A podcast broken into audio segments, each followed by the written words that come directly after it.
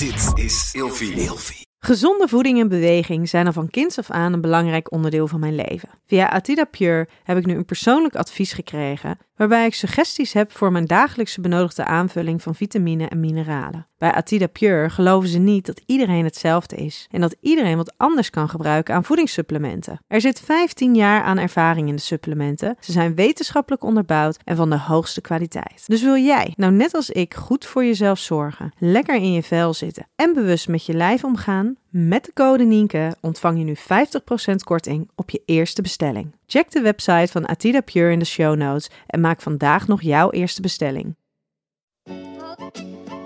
Welkom bij een nieuwe aflevering van Ilvi.com, waarin seksuoloog en relatietherapeut Nienke Nijman elke week met vrienden, bekenden en familie praat over alles op het gebied van seks, relaties en liefdes. In de rubriek Seks met praat Nienke deze week met Linda de Munk. Linda is influencer, auteur van het boek Seksleven en veelgevraagd spreker over alles rondom seksualiteit. Onwijs leuk eh, dat wij op deze manier toch die podcast kunnen opnemen. Ja. Ehm, ja, hey, als ik jou eh, zou introduceren, ehm, hoe zou ik jou dan eigenlijk ondertussen introduceren? Ja, nou, ik ben eigenlijk wel benieuwd hoe jij mij inderdaad zou introduceren. Maar jij wil natuurlijk dat ik dat zelf ook uh, Nou, doe. nou ja, ja, want hè, je, je hebt een boek wat er, wat er aankomt. Nou, de manier waarop ik jou ken, dat is voornamelijk eh, hè, door een, een gedeeld stukje vakgebied. Dus dat is die seksuologie. Ja. Ehm, maar ja, dat is natuurlijk niet helemaal waar jij vandaan bent gekomen. Nee, zal ik dat eens inderdaad even vertellen waar ik vandaan ben gekomen? Ja, Eh dat is wel een leuk verhaal inderdaad. Een soort van mijn ehm, ja, geschiedenis van hoe het allemaal zo is gekomen. Hoe het allemaal zo is begonnen. Ehm, ik ben dus, ja, hoe ik mezelf op dit moment zou identificeren of omschrijven, is dat ik YouTuber ben en nu dus ook schrijver en Instagrammer of misschien ook wel influencer. Ehm, maar ja, ik ben dus begonnen met YouTube-filmpjes maken in 2010, dus dat is nu bijna, nou ja, dat is eigenlijk tien jaar geleden. Dus jubileumjaar dit jaar. Ja, ja, in augustus is, er echt, is dat echt tien jaar geleden dat ik mijn eerste video uploadde. Maar toen ging het nog niet gelijk over seksualiteit. Want inderdaad, ik vind het ook belangrijk om seksualiteit bespreekbaar te maken, net als jij. En eh, daarin komen wij de zorg overeen. Dus daardoor, eh, daardoor kennen wij elkaar natuurlijk ook. Eh, maar ik, ben- ja, ik ben niet echt een, een echte expert. Of tenminste, ik heb er niks voor gestudeerd. Ik praat gewoon puur uit eigen ervaring over ja, mijn eigen seksleven. Nou, dat nog niet eens zozeer, maar meer gewoon over de taboes rondom seksualiteit. En dan vooral bij tieners en jonge mensen, die wil ik graag bespreekbaar maken. En vooral jonge mensen laten weten dat ze niet de enige zijn met bepaalde struggles of, ja, of, of onzekerheden en schaamte. En, en dat, die onzekerheden en schaamte wil ik eigenlijk gewoon een beetje wegnemen. Door middel van dus mijn filmpjes op YouTube en mijn foto's op Instagram. En nu dus ook mijn boek dat op 3 juni uitkomt, mijn boek Seksleven. Ja. En betekent dat dan ook dat jij helemaal geen schaamte hebt? Nou ja, ik denk dat, het wel, dat, dat schaamte wel een heel menselijk gevoel is.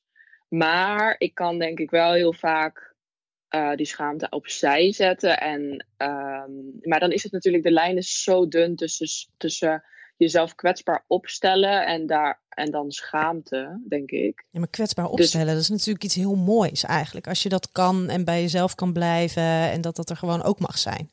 Ja, maar ik denk dat heel veel mensen dat dan weer aan schaamte koppelen. Of mensen die zich dan, als je je kwetsbaar opstelt, dat je je daar dan voor zou moeten schamen. Maar da- dat heb ik dus gewoon niet, omdat ik het nut inzie van me kwetsbaar opstellen.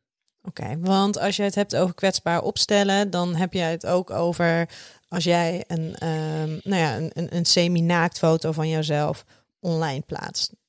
Ja, ja, zeker. Ik denk het wel. Want ik, maar ik moet ook wel zeggen, de foto's die ik online plaats, die, Ja. die ja, eigenlijk inderdaad wel naaktfoto's, zijn denk ik wel, ehm, ja, het is wel echt met een, met, een, met een boodschap erachter en een statement. En ik ben ook echt trots op die foto's. Dus het voelt eigenlijk niet eens heel kwetsbaar, maar het voelt gewoon als mezelf. Van kijk, dit ben ik nou eenmaal en ik vind het leuk om mezelf naakt te laten zien, dus dat doe ik lekker. En- Je vindt het leuk om jezelf naakt te laten zien.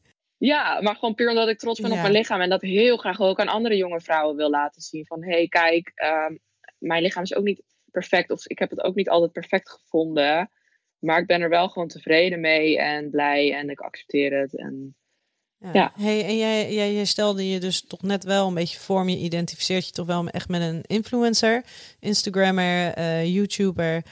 Ehm, betekent dat nou ook dat je hier dan continu mee bezig moet zijn? Want ik kan me voorstellen dat dat ook onwijs vermoeiend kan zijn. Ja, ehm, inderdaad. Ik merk dat vooral in deze tijd, dat uh, door corona, dat we allemaal heel veel thuis zitten, ehm, merk ik juist dat ik zo erg behoefte had aan die rust. Uh, want er, er lag best wel veel druk op me door het influencer zijn. Want inderdaad, ik ben er altijd mee bezig. Want je kan niet. Het zit altijd in je hoofd. En, uh, en ja, dus maar vooral de het laatste half jaar ben ik heel erg bezig geweest met het schrijven van mijn boek.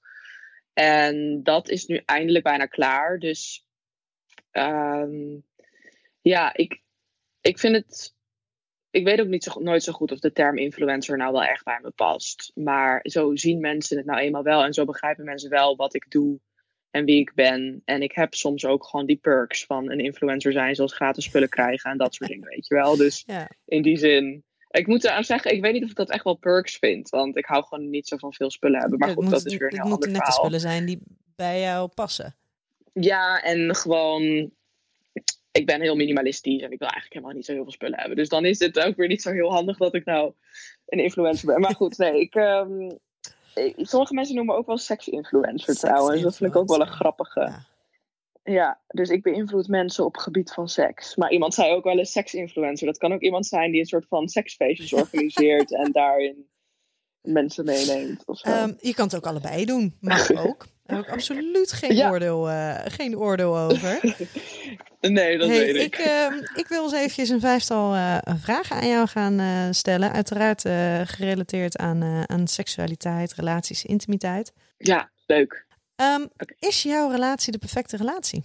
Ja, ik, ik, ik- ja oké, wacht. Kort antwoord ja. Bestaat de perfecte relatie?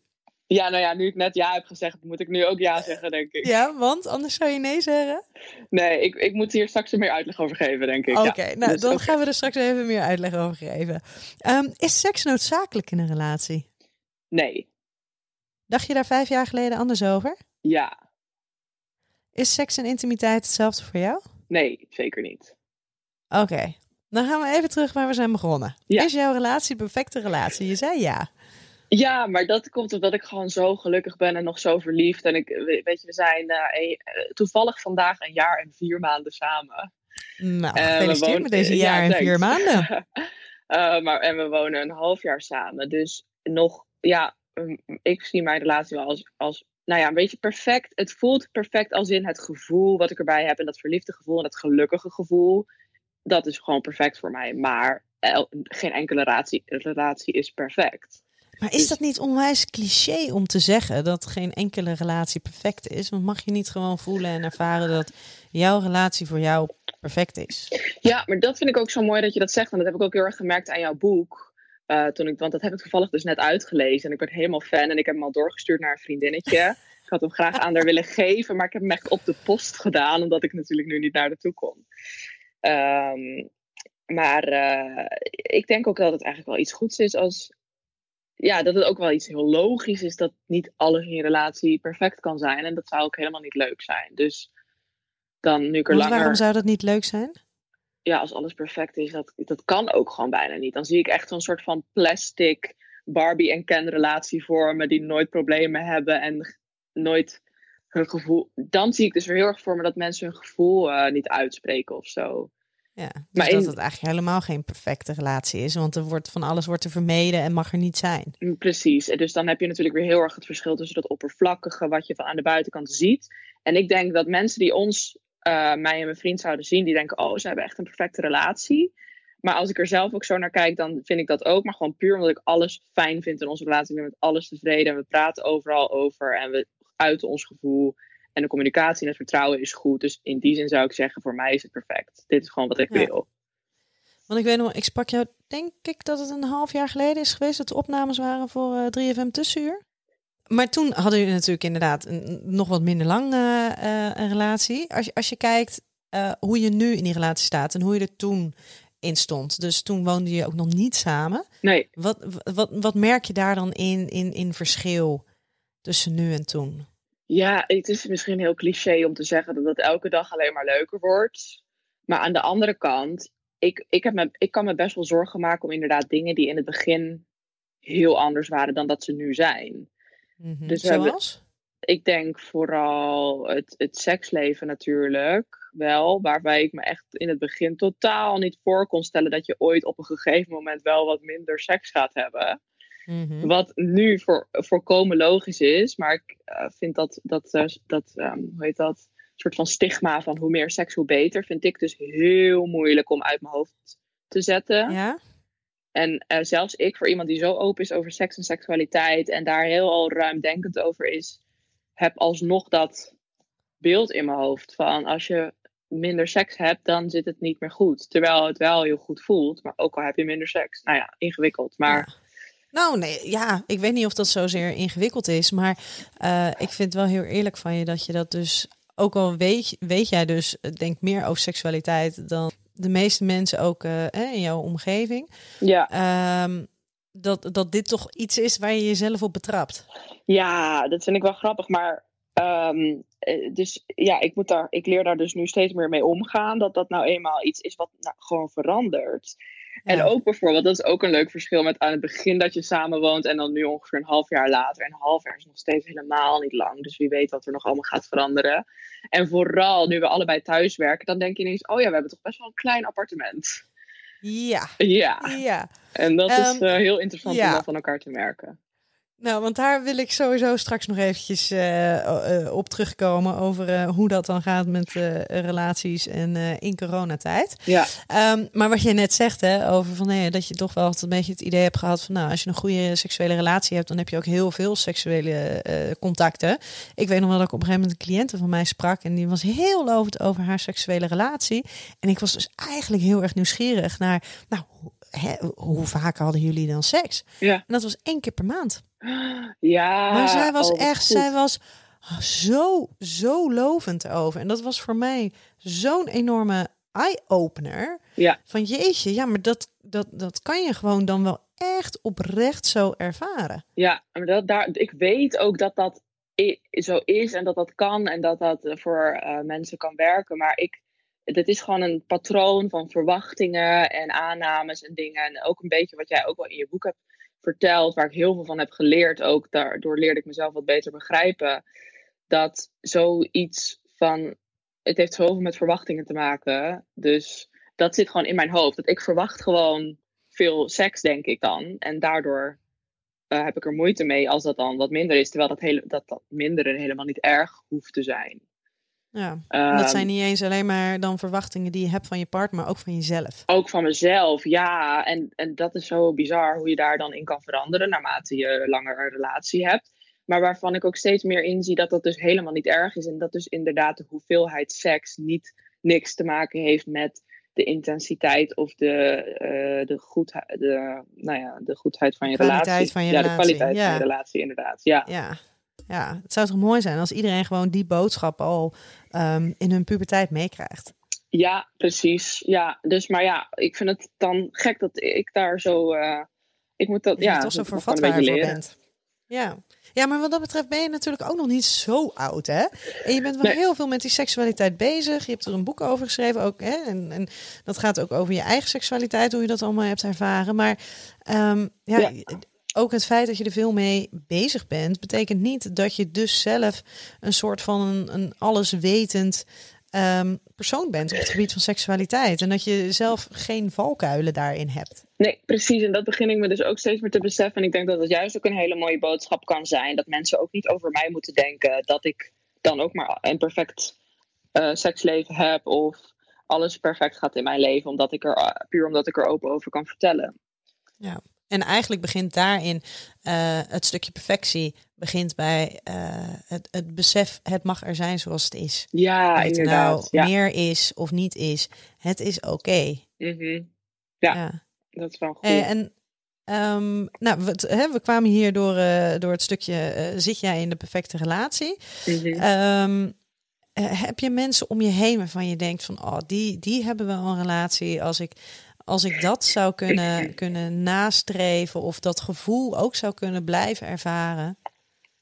Nou, ik moet je heel eerlijk zeggen, als ik kijk naar of ik mijn, mijn relatie vergelijk met die van uit mijn omgeving, hè, dan denk ik dat heel veel mensen een voorbeeld kunnen nemen aan onze relatie. Ik weet niet of dat heel arrogant klinkt, maar ik heb zoveel vriendinnen en ook wel vriend, nou, vooral, ja, vooral vriendinnen met een partner waarvan nou, ik snap niet hoe, hoe er wordt gewoon te weinig gecommuniceerd, laat ik het zo zeggen. En dat vind ik um, wel moeilijk om te zien. Uh, vriendinnen die soms ook wel echt gewoon liegen tegen hun partner of uh, gewoon vertrouwen is er gewoon niet. En dan uh, vind ik dat heel moeilijk om te horen. En dan hebben ze, de, daar struggelen ze zelf heel erg mee. En dan zijn ze eigenlijk gewoon diep ongelukkig in die relatie. Toch blijven ze ermee doorgaan. En ja, ik weet het ook allemaal niet. Maar goed, uh, who am I to judge? Dus ik geef wel advies dan, maar ik kan niet bepalen maar, wat geef zij... Jij dan, geef je dan advies als uh, Linda de vriendin of Linda de influencer die hier heel veel mee bezig is? Bij, ja, dat kan ik eigenlijk niet los van elkaar zien. Nee? Nee, dat... dat ik, ik kan veel vriendinnen wel vaak adviseren op basis van de kennis die ik heb op kunnen doen door, door mijn werk eigenlijk. Ja. Uh, dus ook als het niet over relaties gaat, maar bijvoorbeeld over sextoys. Ja, dat kan ik niet apart van elkaar, want dat is gewoon eenmaal mijn werk en daardoor weet ik er heel veel over. Maar daardoor kan ik ook als Linda de vriendin daar heel veel over vertellen, snap je? Ja, ja. Die sextoys gaan we zo ook nog even bij terugkomen. Oh ja, leuk. Um, de, volgende was, uh, de volgende vraag was: Is seks noodzakelijk in een relatie? En toen zei je nee. Nee, want dat begin ik dus steeds meer te. Nou ja, in mijn eigen relatie wel. Maar ik zou heel graag een beeld willen hebben van dat dat inderdaad dat dat niet hoeft. Dat je. Nou ja, dat seks niet het allerbelangrijkste is.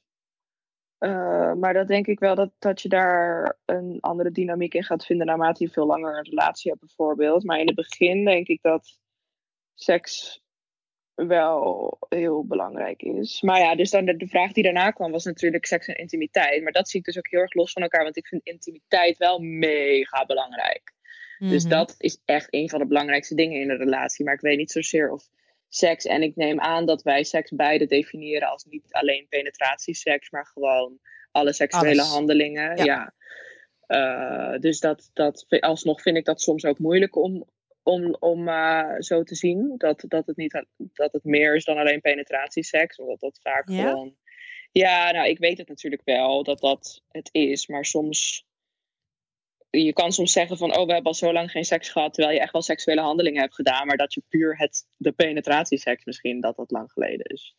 Ja. Of zo. Dus dat is ook, dat is ook een valkuil uh, ja. waar je gewoon lekker intrapt. Ja, best wel, maar dat zit dus zo diep en dat is echt wel interessant hoe dat kan. Maar ja, ik weet, ik, ik heb het zoveel in mijn boek ook opgeschreven van, jongens, dit, penetratieseks is niet alleen het enige van seks. Dus ik nee. weet het ook heel goed. Maar het is soms. Maar, maar hoe, hoe komt dat dan? Hoe komt het dan dat die boodschap daar dan toch zo diep in zit? Want helemaal als jij voelt dat je dat moet blijven herhalen in je boek. Dat, hè, dat in mijn beleving zegt dat dus ook wat over um, hoezeer die boodschap bij jou erin zit. En dat jij het dus heel belangrijk vindt om maar blijven te, te zeggen dat er dus ook andere vormen van seksualiteit zijn. Ja. En dat het niet alleen maar die penetratieseks is. Mm -hmm. Dus hoe, hoe komt het dan dat dat bij jou er zo diep in zit? Ja, dat ja, weet ik niet of dat bij mij specifiek is of gewoon überhaupt bij mensen van mijn leeftijd, millennials in het algemeen, of gewoon jonge meiden of jonge vrouwen. Um, ja, ik, dat, ik weet wel dat dat natuurlijk heel erg door de maatschappij komt en hoe, of onze cultuur misschien überhaupt en porno en alle invloeden daarvan. Uh, dat er ook zo'n druk wordt gelegd bijvoorbeeld op een ontmaagding dat soort dingen tellen daarbij allemaal mee. En ik weet niet waarom het specifiek bij mij, of dat bij mij, of ik een, uh, daar een, dat dat een dieper beeld is of zo, wat ik heb. Mhm. Hoe noem je dat? Nou ja.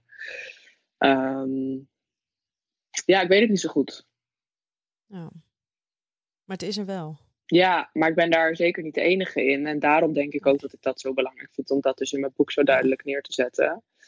Um, of in ieder geval uh, gewoon even dat die definitie duidelijk is. Maar goed, um, als we dan even bijvoorbeeld terugkomen op, op of, of seks belangrijk is in een relatie, dan uh, het is niet het allerbelangrijkste, laat ik het zo zeggen. Nee, maar daarna zei je ook dat je dat vijf jaar geleden, uh, dat je daar heel anders over dacht. Ja, dan dacht ik, oh yes, dan heb je een relatie, dan kan je echt neuken wanneer je wil. En, uh, ja? dan, Zo'n eindeloze bron van seks. Ja, dan heb je voor altijd gewoon goede seks en een goed seksleven. En gewoon Oh, altijd goede seks ook. Ja, dat dacht ik wel een beetje. Ja. Maar ik Ja. moet ook zeggen dat toen ik dus vrijgezel was, heb ik, had ik heel veel verschillende bedpartners juist. Dat is een hele interessante tijd geweest. Dat is vooral ook de reden dat ik mijn boek ben gaan schrijven, omdat ik dat contrast heel leuk vind. Ik had ook eerst als potentiële titel van losbandig seksleven naar monogame relatie. Maar dat was een beetje te lang. Uh, maar dat is basically wel de, de doorloop van het boek. Dat ik begin, dat, dat mijn losbandige seksleven en dat ik toen nooit had kunnen bedenken dat ik ooit in een relatie zou, uh, nu al in een relatie zou hebben. En dat ik nu echt niet anders wil en het heel fijn vind. En die geborgenheid en veiligheid, dat ik dat allemaal heel fijn vind. Want zou, zou je aan moeten, uh, uh, moeten denken dat, het, dat er weer zo'n losbandige periode zou kunnen komen? Nou, ik denk daar dus wel eens over na. Uh, daar heb ik het dan ook wel over met mijn vriend. Maar nou, de laatste tijd heb ik daar echt niet. Uh, walg ik daar zelfs soms een beetje van of zo. Ja? Uh, of ja, walgen is een beetje een groot woord. Maar ik zie dat gewoon niet meer echt voor me. Maar het zou, ik sluit nooit wat uit. Dus ja, je weet het niet. En uh, dat staat ook wel zodanig open. Nou ja, open niet. Maar wel, alles is bespreekbaar in onze relatie. Dus mocht een van ons überhaupt dat gevoel ook krijgen van... Oh, ik wil weer lekker losbandig zijn. Dan uh, is die ruimte er, nou ja, om het te bespreken. Ja, de, naar handelen is nog even wat anders. Inderdaad, maar het inderdaad. bespreken, dat is zeker mogelijk. Ja, precies. Ja, wat grappig hè, dat, dan, dat dat dus wel is wat op een gegeven moment gewoon jouw norm eigenlijk is geweest. Ja. En dat als je het er nu over hebt en er nu aan denkt, dat het dus eigenlijk helemaal niet is wat je zou willen. Nee, precies. En ik denk ook achteraf wel dat, dat dit beter... Nou ja, weet ik niet. Uh, dit wordt echt een heel lang verhaal. Want een relatie kan iemand zo erg veranderen. En dan kom je soms ja. in een situatie dat je vrienden denken: Oh, je bent heel erg veranderd. Maar misschien is dit wel wie ik echt ben. Ja, dat, ah. dat weet je niet. Dat is zo ingewikkeld. Ja. Maar kan het ook gewoon zijn dat um, iedereen gewoon door verschillende fases heen gaat? Zoals, ja. Zowel in, in wie ze zijn als persoon, maar ook in, in zeker ook in uh, wat betreft seksualiteit. Zeker, ja, daar kom ik dus ook steeds meer achter. Want ik zit nog echt maar, ik word volgende week 25. Nou ja, ik ben echt nog maar aan het begin natuurlijk. Dus. Ja. Uh, je, hebt nog, als het goed is, heel lang te gaan. Ja, dat hoop ik ook. En, en ik heb juist ook alleen maar zin om ouder te worden. En om bijvoorbeeld 30 te worden. En dan denk ik, ja, ik ben nu al zo gelukkig. En hoe ga ik. Weet je, ik ga mezelf alleen maar beter leren kennen. En ook op het gebied van seksualiteit en andere dingen. Dus dan wordt het alleen maar interessanter. En inderdaad, een totaal andere levensfase. Maar dat kan je je gewoon nog niet voorstellen als je net uh, uit je tienertijd komt en nog een beetje aan het spelen bent.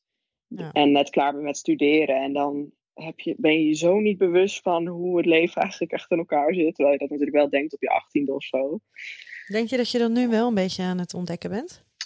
Ja, zeker. Maar ik weet ook zeker dat ik dan over een vijf jaar inderdaad denk van... oh, ik dacht toen dat ik alles wist, maar nu, maar nu uh, weet ik pas hoe het echt zit. En, ja, ja gekke gedachte, hè? Ja, heel gek. Maar ik ben me dus heel ja. bewust van dat ik juist nu nog niet alles weet. En dat dat allemaal maar gaat komen en dat ik nog aan het leren ben. Maar ik ben wel... Dit is wel het ja, nou, 2019 of misschien al in 2018 begon dat is wel de tijd dat ik begonnen met bewuster leven. En daar hoort de seksualiteit ook gewoon heel erg bij. Ja. Uh, dus dat is wel super interessant. Want dat is ook wat ik dus altijd zeg van de reden dat ik dus zo open over seksualiteit praat. Is omdat ik dus vind en heel erg voel dat je seksualiteit gewoon een heel groot gedeelte is van je identiteit als mens. En dat dat is gewoon uh, belangrijk om van jezelf te ontdekken. Mm -hmm. uh, maar, zijn er ja. stukjes van jouw seksualiteit uh, waarvan je denkt, daar kan ik niet zo goed bij of dat durf ik niet zo goed bij? Mm.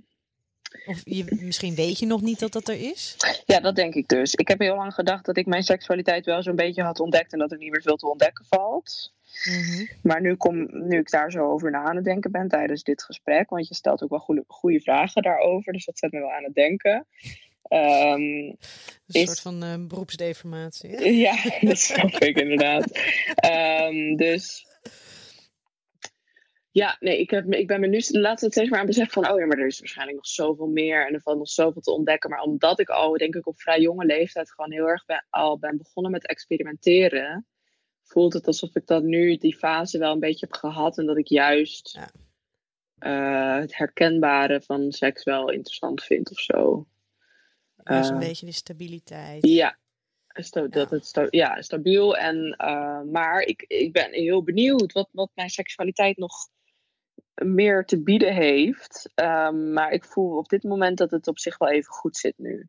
En Ja. dat ik even niet, eh, vooral niet, geen zin heb om de moeite te doen om op zoek te gaan naar verborgen dingen in mijn seksualiteit. Denk, denk je dat je eh, op een gegeven moment op het punt komt van ja, maar en wat nu? Ja, vast wel. Ja, Ja? zeker. Ja, Wat, vind, wat vind je van dat idee? Nou ja, dat, daar heb ik dus ook al wel best wel geleerd dat dat een heel mm, gezond, normaal gevoel kan- is, eigenlijk. Dat het, ja. Dus dat gaat vast wel komen in mijn leven, want ik ben nu juist nog heel gedreven en gemotiveerd en ambitieus. eh, en heel erg, eh, nou ja, dat ik naar een soort doel toe werk. Al heb ik eigenlijk nooit een concreet doel, maar ik, ik zie een soort van eindlijn, maar ik weet niet zo goed wat het dan is.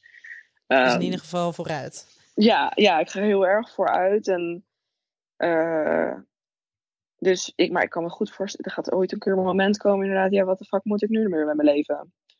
Ja. Ehm, dus ik kan me dat voorstellen, maar nu, nu weet ik het nog wel even. Ik heb het nog wel even Is- goed. eh, Is, is dat sowieso, hè? Want jij, je, hè, je identificeert je dan dus als, nou ja, als influencer. Dat is gewoon echt wel heel veel wat je, wat je, wat je met je tijd doet.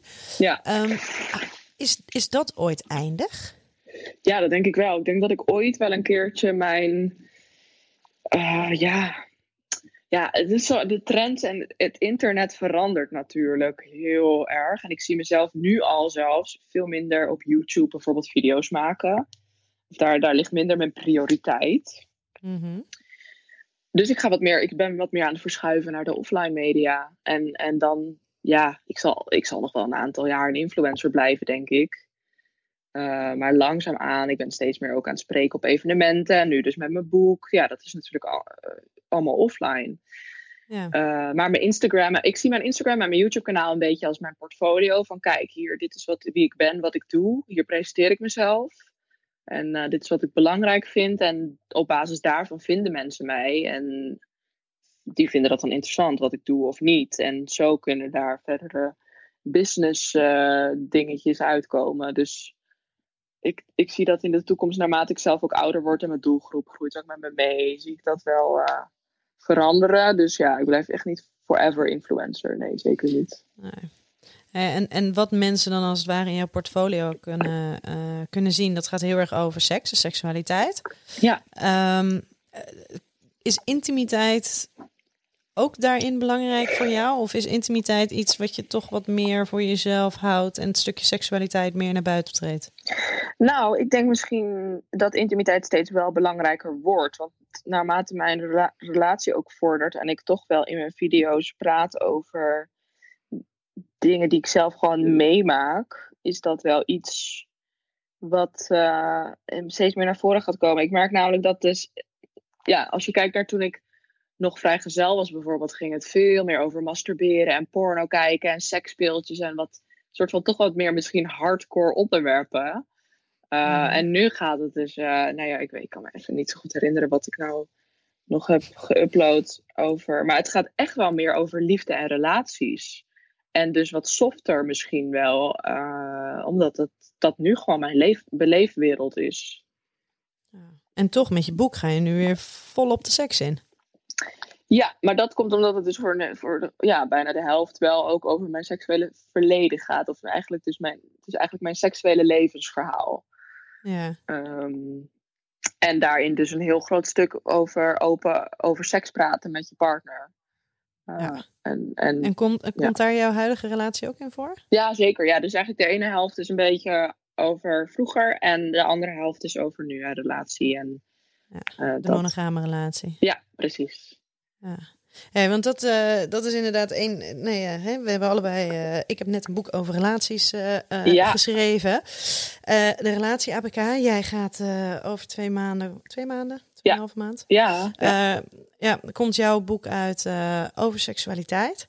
Ehm, daarnaast ben jij natuurlijk, eh, eh, nou ja, is het ambassadeur van Easy Toys? Hoe zou je daar omschrijven? Ja, ik denk dat ambassadeur wel een leuke is. Ja, presentatrice ook wel. Ik, kom, ik zit inderdaad in hun video's en werk wel eens met hun samen, ja. Ja, nou ja, ik ben natuurlijk nu met, uh, met Pabo daar in de samenwerking aangegaan. Ja, en oh ja. Wat gerichter op, uh, nou ja, dan wel wat de, de, de wat oudere doelgroep. Ja. Um, hoe, hoe, hoe is het voor jou om, om zo met, met, met seks bezig te zijn? Ja, en dan misschien vooral dat li jezelf linken aan, aan sekstoys, hè? Ja, ook dat. Want Ja. dat, dat is natuurlijk best wel een, een ding. Ja, dat, dat schijnen mensen te vinden, inderdaad. Maar ja, ik, ik, vind- ik, ik doe het in zekere zin ook, hè. Dus Ja, nee, precies. Maar no ik, judge, maar ja. ik weet dat inderdaad, ik denk dat jij er ook helemaal niet, eh, dat jij, wij- voor ons allebei is dat denk ik een hele normale wereld, maar voor heel veel mensen inderdaad niet. Ehm, ik eh, ben een paar jaar geleden een keer benaderd door eh, toen, oh ja, ik heb toen ook nog met Willy.nl samengewerkt. Eh, een beetje de concurrent van Easy Toys. En daar heb ik dus het YouTube-kanaal eh, Pleasure Academy opgezet. Ja, dat is waar. Ja, en dat, eh, daar heb ik heel veel over sextoys geleerd. Maar daarvoor, toen ze mij vroegen, heb ik zo lang getwijfeld. Want ik dacht, ja, maar ik was toch nog een beetje bezig met mijn reputatie. En wat nou als mensen dat dan een beetje ordinair zouden vinden? Maar dat is puur Want het een blijft kwestie... je achtervolgen. Wat zeg je? Het blijft je achtervolgen. Ja, maar daar, dat is, ja, ik hoor dat zo vaak. En mensen die dan vragen van... Nou ja, uiteindelijk komt het gewoon op, eh, neer op een angst. Die, dat je bang bent wat andere mensen ervan zullen vinden. Nou ja, dat is gewoon Ja. een kwestie van dat loslaten. En dan boeit het eigenlijk niet zo heel veel waar je je nou aan verbindt. Als je er zelf achter staat. En ik merk dat de afgelopen jaren zijn sextoys ook gewoon echt wel... Hebben echt een stuk liever, eh, liever eh, imago gekregen. Mhm. Ehm, dus dat is wel fijn, denk ik. Eh, nee, dus ik, ik zie juist heel erg de noodzaak in van het bespreekbaar maken van sextoys. En jonge meiden die, zich niet meer, die, die hoeven zich niet te schamen voor het feit dat ze daar behoefte aan hebben. En dat misschien praktisch gezien nog niet mogelijk is om er een, een, een vibrator te bestellen als 15-jarig meisje. Oké, dat is dan misschien een beetje lastig. Maar als 15-jarig meisje bijvoorbeeld hoef je je niet te schamen voor het feit dat je behoefte hebt om iets naar binnen te brengen. In plaats van alleen maar je vingers te gebruiken en daar op ontdekking wil gaan en te experimenteren. Dus dat was in eerste instantie mijn insteek van. Ja, dat was de reden dat ik dit meer bespreekbaar wilde maken. En nu inderdaad, ik doe wel wat voor Easy Toys, maar ik heb dus heel veel sextoys getest altijd, maar dat doe ik eigenlijk ook niet echt meer. Maar ik heb er veel van geleerd en het is heel interessant, een interessante wereld. Maar daardoor ben ik nu juist helemaal, helemaal klaar met de sextoys. Ja? Ja, ik ben, je- heb ben, je, ben, je er, ben je er klaar mee? ik heb gewoon mijn favoriet, de Womanizer. En dan, dan de Satisfier, de goedkopere versie, vind ik dat eigenlijk. Want Ja. ik vind ze allebei even goed. Maar de Satisfier raad ik dan aan aan al mijn vriendinnen. Want het is Ja. toch best, want Womanizer is gewoon heel duur. Ja, Dus dat is oh, echt- absoluut. En helemaal de, de, zeg maar de, de womanizer duo. Ik bedoel, je degene die, die ook voor inwendig is? Eh, ja, Oh nee, dat vind ik dus helemaal niks. Want ik, maar ik hou Nee? gewoon niet zo van inwendige, inwendige sextoys. nee? Nee, Oh, wat grappig. Nee? ja, dat, dat is echt bij iedereen heel verschillend. Maar ik denk dus ook, oh ja, dat is nog een, een ding van mijn seksualiteit wat ik ga ontdekken. Dat, dat, ehm, dat ik dat inwendige wat meer moet gaan leren waarderen. En daar moet wat je meer. dat waarderen? Nou ja, ik heb er nu gewoon nooit zoveel veel gevoel bij gehad. En als tienermeisje vond ik het. Ik heb, heb altijd een beetje een angst om zelf ook met vingers naar binnen te gaan. En ik heb wel eens zo'n soort voeloefening gedaan met een soort audiotour van een vrouw die dan gaat vertellen van en nu moet je hier voelen en daar voelen. En uiteindelijk dat je Ja. je baarmoedermond ook voelt en zo. Oeh, zo? Dan Ja. ga je vrij, eh, vrij heftig naar binnen, ja. Ja, maar totaal dus niet op een erotische manier, maar Nee. meer medisch. En, maar dat vond ik zo, dat had zoveel impact op me. Dat heb ik, dat is ook, dat heb ik gedaan voor een eh, video van hashtag kutvoorlichting voor 3FM. Ja, 3FM tussenuur ook. En daar, eh, dat heeft wel veel impact op me gemaakt. In de zin van, je bent dan zo bewust je vulva aan het voelen. En dus ook naar binnen in je vagina aan het gaan. En nou, ik, had, ik weet niet of het kwam omdat ik toen heel emo was doordat ik ongesteld was. Maar ik moest gewoon, ik kreeg een half, ik moest gewoon, ik werd helemaal emotioneel. Maar op een prettige manier, op een bijzondere manier? Of, het, eh, Nou, ja, ik, nee, ik ben meer echt wel op een angstige manier of zo. ja. dus dat vond ik echt wel confronterend. Maar dat bewees voor mij weer dat het zo belangrijk is voor vrouwen om uh, dat van jezelf te ontdekken. Maar goed, dus dat inwendige, dat heeft voor bij mij nog niet. Dat moet toch een beetje loskomen of zo. Dat moet nog een beetje. Ja, het is niet dat ik. Ik kan goed ontspannen en dat soort dingen. En ik voel ook ergens wel een genot bij uh, mijn zogenaamde G-spot, wat natuurlijk gewoon mijn clitoris is. Heel ehm, goed. Heel, ja. Ik ben zo blij met je, met je goede benaming, hè? De vulva en daarna ga je pas de vagina in. Ja, ja, ja. ja. ja dus, maar voor de mensen die luisteren, moeten dit misschien, die snappen misschien niet helemaal. Dus de vulva is alles, schaamlippen, alles bij elkaar. De en dan de uitwendige. Wat zeg je? De uitwendige uh, delen van het geslachtsorgaan. Oh ja, precies. En dan inderdaad, de vagina is het inwendige. Oh ja, dat zeg je wel mooi, want ik zeg normaal altijd, ja, de vagina is gewoon het gat. Maar dat klinkt natuurlijk een beetje oneerbiedig. Dat is het inwendige orgaan. De vagina is het inwendige orgaan en de vulva is inderdaad uh, de, de labia, dus ofwel de schaamlippen, uh, de, zeg maar het uiteinde van je vagina, uiteinde van je, van je plasbuis. Ja. En, de clitoris. Ja, de clitoris. Ja. ja. zeg jij clitoris? Ik probeer steeds vaker clitoris te zeggen, omdat Ellen nee, ik, ik heb, ja, weet ik, maar daar heb ik toch iets tegen. Ja? Oh, grappig. Ja, maar clitor... En misschien komt het wel omdat ik gewoon lekker vanuit het Rotterdamse, lekker clitoris. Oh ja, precies. Dat snap ik ook wel. Ja, iedereen kent het natuurlijk als clitoris, dus ik, dat snap ja. ik inderdaad ook. Ja. ja. we zijn mensen al bewust aan het maken van het feit dat de clitoris er is en dat het veel groter is dan wat veel mensen denken. Precies. Dus ik ben al lang blij als we het gewoon lekker clitoris noemen en weten wat het is. Ja, zeker. Ik hoop ook dat er. Ik ben wel benieuwd of mensen dit al wisten of niet. Uh, nou, het, het, ik, stond, uh, dat was, uh, ik stond op een gegeven moment voor een grote groep met, wat was dat? was volgens mij bekkenvisio's. En daar had ik het dus over de vulva. Oh ja. Um, en dat men dus niet bewust is van wat de vulva is. Nee, maar wat, met wie was je? Ja, dat was met een groep bekkenvisio's. Oh, dus maar dat zijn dat niet weten. de afgelopen jaren. Nee, maar dat is dus het, hetzelfde is voor, ik sta voor huisartsen, bekkenvisio's. Daar is dus niet heel veel onderscheid tussen. Um, maar heel weinig mensen zijn er dus van op de hoogte. Hmm. Ja. ja, nee, dat, dat, dat, ik kom daar ook wel achter. En mijn vriendinnen weten het inmiddels wel. Maar dat komt omdat ik het duizend keer tegen ze vertel, aan ze vertel. Maar goed, wij zijn echt heel erg lekker los uh, aan het praten. Want ik weet al lang niet meer wat ik nou, waar we het nou over hadden. het ging over de, uh, over de seksspeeltjes. En, uh, en easy nou ja, dat nog, ja, dat het nogal wat was dat je je daar dan aan identificeert. En vervolgens gingen we van de favoriete seksspeeltjes van jou... naar de, de, de inwendige functie ook van de womanizer. Oh ja, ja, ja, ja. Waar jij dus niet zo heel veel mee hebt. Nee, nee, inderdaad. Vind, vind jij uh, dat iedereen, uh, dat vind ik nog wel een goeie, vind, um, vind jij dat iedereen moet blijven experimenteren en onderzoeken of mag gewoon, um, zo is het, zoals ik altijd zeg, één en één ook gewoon twee zijn. En dat het goed is en dat het lekker is en dat het prima is. Nou, ik zou zeggen experimenteer als je die behoefte voelt. En schaam je daar dan niet voor. Want ik heb altijd ontzettend die behoefte gevoeld. En ja? In, in, ja, als tienermeisje al echt vanaf mijn uh, elfde, twaalfde, dat op mijn elfde, dat ik, dat ik al op, de basisschool met een vriendinnetje, uh, dat ik daar bleef logeren. En dat, dat we al op een fijne manier aan het knuffelen waren. Nog totaal niks seksueels, maar ja, dat soort dingen. En, en dan op mijn twaalfde al uh, mijn eerste orgasme. En daarmee gewoon heel veel fantaseren, experimenteren. Dus ja, ik heb die behoefte altijd gevoeld. Maar als je die behoefte niet voelt, ja, dan is dat ook niet een probleem. Weet je, dan doe je het gewoon zoals jij denkt dat het hoort. Of zoals het goed voelt voor jou. En dat is ook prima. Dus, uh, maar ja, ik zou het wel aanraden. Ik zou, ik zou zelf vanuit eigen ervaring zeggen: heb zoveel mogelijk seks met zoveel mogelijk verschillende mensen.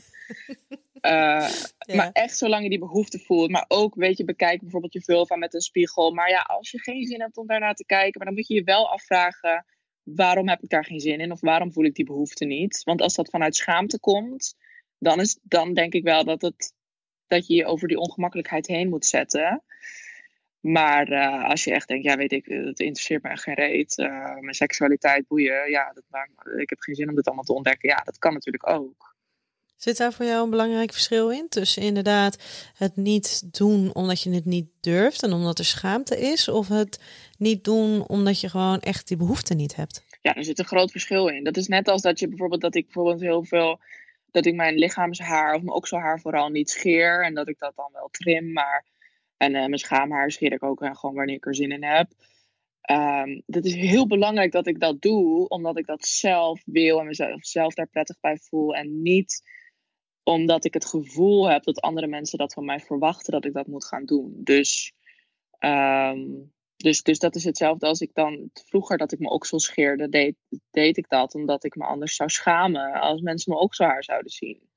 Ja. Dus dat is een beetje dat, dat, die lijn daartussen, uh, wat ik ook veel jonge, jongeren probeer duidelijk te maken. En nog steeds krijg ik dan bijvoorbeeld wel eens vragen van meisjes die zeggen: Ja, ik heb schaamhaar en ik wil het eigenlijk niet scheren, maar wat zou mijn vriend daarvan vinden? En dan denk ik ten eerste, hoe moet ik weten wat jouw vriend daarvan vindt? En ten tweede, wat maakt het uit? Ja, nou, ik weet nog wel dat ik, ik, ben heel, ik ben echt heel slecht in social media. Op een Mhm. gegeven moment zag ik van jou een story voorbij komen. En daarin ehm, deed jij in je verhaal ehm, dat het toch eigenlijk wel belachelijk was. Dat jij dus eigenlijk, hè, dat, dat, dat jij dan foto's plaatst van jezelf, dat je je eh, okselhaar laat staan. Ja. En dat het gewoon jouw eigen keuze is. En dat jij op een gegeven moment was er dus een, een foto of een filmpje geweest dat jij het had afgeschoren. En dat daar dus heel veel mensen over vielen. En dat, dat, nou ja, ik zag dus het filmpje waarin jij ging uitleggen van ja, maar jongens, het gaat er juist over. eh, of het gaat er juist om dat ik mag doen waar ik me goed bij voel. Ja. En dat ik me niet laat leiden over wat anderen vinden of denken of verwachten. Maar gewoon waar ik me goed bij voel. En als ik me er goed bij voel om het wel af te scheren, dan doe ik dat. En ik vond het dus zo bijzonder dat er dus mensen over vielen Mhm. dat je het had afgeschoren. Ja, Want kennelijk, kennelijk was, is dat dus not done. Ja. Ehm, dat ver- verbaast mij ook weer elke dag. Er zijn zelfs mensen in het begin, weet ik nog wel, dat ik dan een foto plaatste met okselhaar, maar dan had ik ook make-up op. En dan waren er mensen die zeiden van ja, dan laat je je okselhaar staan, doe dan ook geen make-up op. Weet je, ga er dan helemaal Ja. voor. Of zo. Dat lijkt me, dat- maar dat lijkt me zo ingewikkeld als je dus bent wie je bent. Mhm. Ehm, maar want, want ja, ehm, wie jij bent, dat is waar mensen op reageren. Dat is waarom mensen jou volgen. En als jij dan eventjes niet in hun beeld past, als het even niet aan de verwachtingen voldoet, dan hebben ze daar dus wat op aan te merken. Ja, maar ja, ik weet niet of het helemaal klopt zoals je het nu zegt, omdat het meer ook wel mensen zijn die mij. Kijk, ik heb natuurlijk mijn trouwe volgers en die zullen waarschijnlijk Ja. niet zoveel commentaar leveren, want die volgen me inderdaad omdat ze het tof vinden wie ik ben en wat ik doe. Ja, maar er zijn inderdaad mensen die mij echt specifiek volgen omdat ze het leuk vinden om mij zwart te maken of zo. Ja? Dus, eh, of maar dat zijn dan soms, ik merk dat wel eens van de jongetjes. ehm, ik schets nu even een profiel van een Ja. jongetje van 15, die dan ehm, sowieso een slotje, een privéaccount heeft. En dat kan ik verder helemaal niet zien, maar ik zie dat het een jong jongetje is, die dan eh, eh, mij waarschijnlijk volgt omdat ik af en toe een naaktfoto plaats op Instagram. Maar zodra ik dan dus een, een, een, een foto met okselhaar plaats, dan is het heel wat goor. En dat is dan nog Ja. zacht uitgedrukt. ja. Leer je daarmee omgaan? Met dat soort dingen? Oh ja, zeker, absoluut. Ik vind het grappig. Het is ja, eigenlijk hilarisch. En dat zijn vaak dezelfde jongetjes die me dan vervolgens weer een dickpic sturen. Wat wel heftig is, want ja, ik kan daar precies niks mee. En die accounts Ja. blokkeer ik natuurlijk gewoon. Ook al zijn het van jongetjes van 15. Ja, ja, het is natuurlijk heel vervelend dat zij niet zo goed snappen hoe de wereld in elkaar zit. Maar ik voel me niet degene om hun, zich, zij- nou ja, hun daarover te educaten. Mhm. Of tenminste, ik heb het gevoel dat als ik daar bijvoorbeeld iets in mijn stories over zou gaan zeggen, dat ik dan juist alleen nog maar meer dickpics ga krijgen. Dus Ja, dat snap ik. dat is echt een lastig Ja. punt.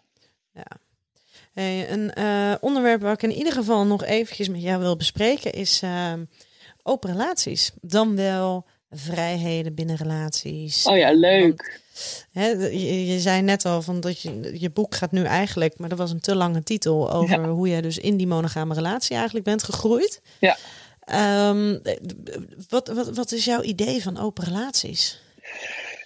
Nou, ik heb dus wel altijd gezegd, voordat, toen ik nog vrijgezel was, ja, als ik ooit een relatie he- eh, ga hebben, dan is dat sowieso een open relatie. Nou, daar ben ik dus echt Mhm. heel erg dik op teruggekomen. Ja? Ehm, ja, dus wij hebben absoluut wel heel bewust gekozen voor een monogame relatie. Daar hebben we het over gehad. In de beginperiode dat wij eigenlijk, eh, nou, ongeveer drie maanden lang zijn wij een beetje friends with, friends with benefits geweest. Eh, we zijn ook al überhaupt tien jaar vrienden, of gewoon we kennen elkaar al tien jaar. Dus dat zit al goed. Ehm, maar eh, toen heb ik dus wel ook tegen hem gezegd van ja, ik denk, ik vind een open relatie denk ik wel interessant. Maar ja, toen werd ik verliefd. Voor het eerst in mijn leven. Ja. Ehm, maar ja, nee, ik vind open relaties fantastisch. Ik zou het graag willen kunnen. Het, ik zie het ook zeker iets wat best wel zou kunnen gebeuren over een paar jaar, maar nu nog niet. En eh, ik vind, ja, het lijkt me top. En waarom dacht je dan aanvankelijk dat dat sowieso een open relatie zou worden als jij dan een relatie zou krijgen? Ja, omdat ik toen al als vrijgezel dacht ik, ja, ik heb zoveel seks met verschillende mensen. Ik ga me niet aan één iemand kunnen binden. En als ik één iemand heb, dan heb ik geen zin. Of dan heb ik dan ben ik daar op een gegeven moment op uitgekeken. En dan wil ik hem nog met anderen neuken. Maar dat was een beetje stoere praat, denk ik meer. ja? Ja. Want toen werd je verliefd en toen veranderde de wereld. Ja, en toen, uh, weet je, ik zou mezelf niet willen omschrijven als een jaloers persoon. Maar ja, ik heb ook wel jaloeziegevoelens. En um, ja, maar het is ook zo moeilijk om dat moment ook weer terug te halen dat van die switch van oh, open relatie en oh nee, toch maar niet. Ehm, dat is echt dat, dat, dat, dat, dat besef dat je verliefd bent en dat je liefde wordt beantwoord en dat je. Ja, je bent, nu, en nu inmiddels zijn we zo naar elkaar toegegroeid dat ik het me ook totaal niet kan voorstellen dat we nu of binnenkort een open relatie zouden hebben. Dus dat is wel uh, heel duidelijk tussen ons. Maar uh, ik sluit gewoon niks uit, weet je. Dus dat is het gewoon. Ik vind alles wel interessant. En uh, en het, mag alle, het kan allemaal, het mag allemaal. En ik vind vooral dat mensen voor zichzelf moeten beslissen hoe ze hun relatie inrichten. En uh, ook al pleit ik daar dus ook heel erg voor van... hé hey jongens, er zijn zoveel manieren om een relatie aan te gaan. Ik heb zelf alsnog een vrij traditionele vorm gekozen. Maar ja, wel voor gekozen. En dat is belangrijk dat je dat doet. Dat ja. je er ergens voor kiest. Ja, dat uit alle opties die er wel voor jou waren... dat je dan alsnog bewuste keuze maakt hiervoor. Ja, ja, ja, ja. ja. ja. En, wat, en wat maakt er dan dat je dan um, dat, dat het idee van die open relatie toch helemaal niet meer zo aantrekkelijk was. Kwam dat door die gevoelens van jaloezie? Ik denk het. Maar ook echt die behoefte gewoon niet voelen. Ik voelde echt niet de behoefte om met iemand anders het bed te delen. Ik heb wel, dat hebben we ook zeker wel besproken. Ik weet zeker dat ik ooit weer de behoefte ga voelen om seks te hebben met een vrouw. Omdat ik ook wel op mhm. vrouwen val. En, en dat vind ik ergens dus wel een iets anders. Ook al wil ik dat eigenlijk niet zo zien. Maar ja, hè, ik snap het wel voor mijn vriend die heteroseksueel is. En dus wel dat, ja, uh, oké zou vinden, denk ik. Ooit. Dus dan is to toch, toch weer een valkuil eigenlijk, hè? Ja, maar ik vind dat dus, ik heb dat wel geaccepteerd en ik vind dat niet iets ergs. En ik denk dat heel veel nee. hetero-koppels dat wel zullen hebben. Dat, dat de man zegt, nou, je mag best een keer seks hebben met een vrouw, maar met een andere man heb ik liever niet. En weet je, daar respecteer je elkaar in en dat is goed. En ja, ik denk ook dat ik eerder die behoefte zou voelen met een vrouw dan met een man. Ja, ik vind het zo mooi hè, hoe dat dan werkt. Dat mensen, dat, dat, dat stellen dat dan uh, nou ja, misschien zelfs wel prima zouden vinden. Ja, ik vind het ook interessant. Ja, ik vind het heel interessant hoe dat, uh, hoe dat dan werkt. En met die gevoelens en dat dat ene wel een bedreiging is en het andere niet. Of misschien zelfs wel opwindend is. Ja, ja. ja. En is het, is, is het voor jou een, uh, een open relatie of een monogame relatie? Of zit daar ook nog wat tussenin? Ja, ik denk dat er wel wat tussenin zit. Dus wij zijn ook wel best wel los hoor. Verder qua uh, met andere mensen zoenen. Maar ik heb dus heel erg als regel dat ik daar dan zelf bij wil zijn. En uh, dat het echt een, een, een, iets is van ons samen. Dus um, ja. ik denk dat wij best wel tussen monogaam en open in zitten in die zin. En dat we zijn niet super strikt en streng. Maar ik vind uh, ik zou het wel heel moeilijk vinden als mijn vriend dus uitgaat en dan met een meisje zoent. Ik zou het moeilijk vinden, maar ik, dat is niet het einde van onze relatie, zeg maar zo. En het moet absoluut, de grootste voorwaarde is dat het eerlijk wordt verteld. Maar de allergrootste voorwaarde is dat ik er gewoon zelf bij ben. Snap je? Dus er, en, we hebben en gewoon dat... heel specifiek echt, echt wel duidelijke afspraken en regels. En ik denk dat ja, veel koppels daar wel van kunnen leren. Want sommige mensen maken gewoon totaal geen afspraken. En dat je ook van elkaar bijvoorbeeld niet op de hoogte bent van wat is nou vreemd gaan en dat soort dingen.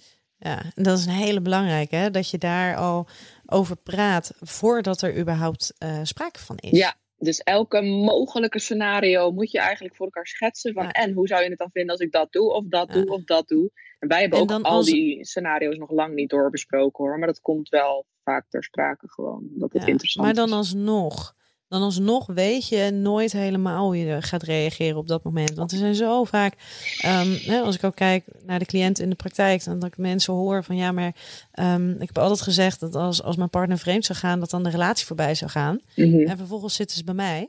Ja. Um, en zijn we een jaar verder en is die relatie nog steeds niet voorbij. Nee, Dus- dat is wel goed ergens toch ook dat ze dat. Ja, absoluut. Maar het is dus, hè, mensen denken van tevoren dat ze weten hoe ze op een situatie gaan reageren. Ja.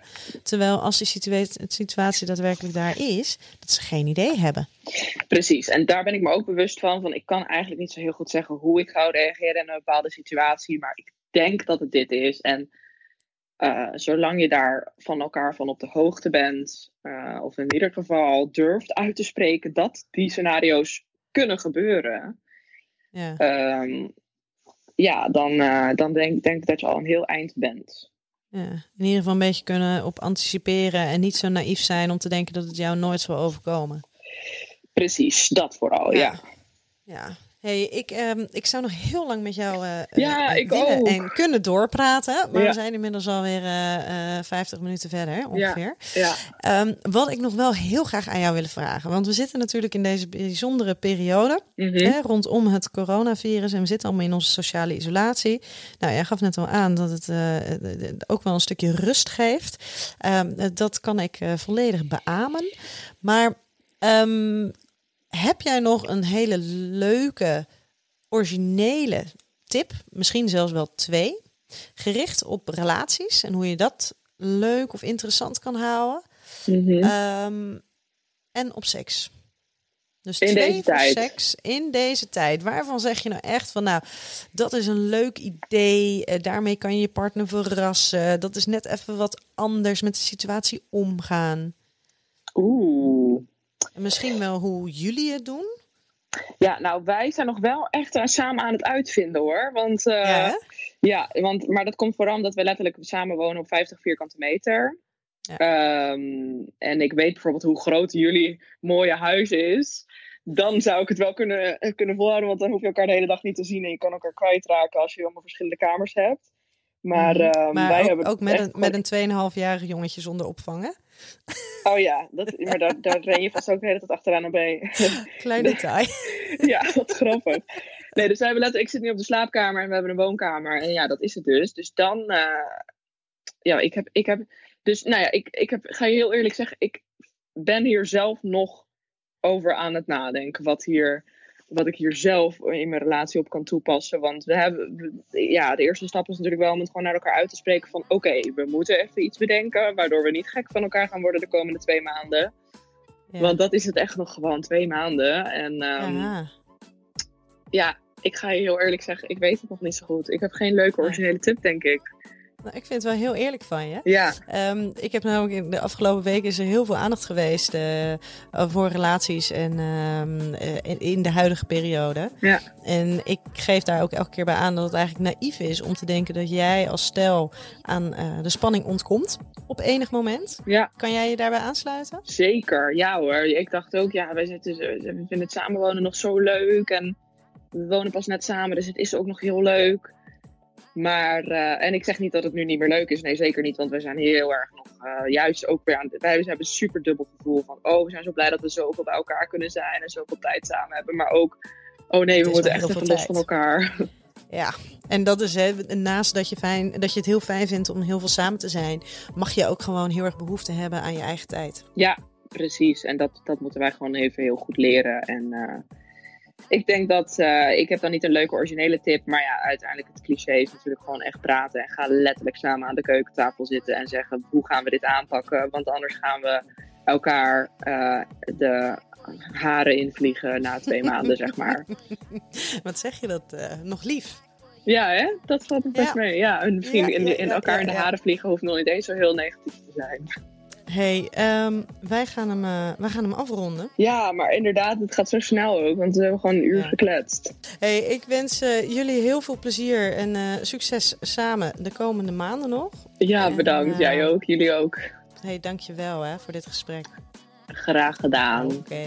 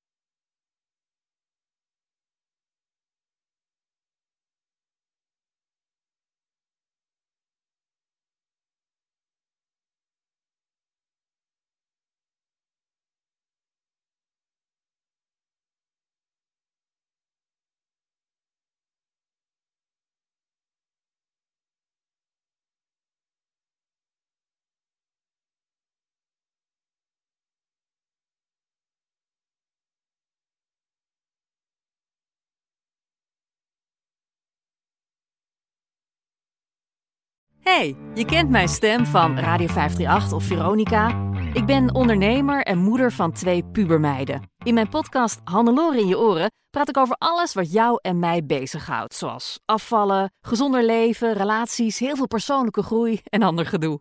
Mag ik in je oren? Liefs, Hannelore Zwitserloot.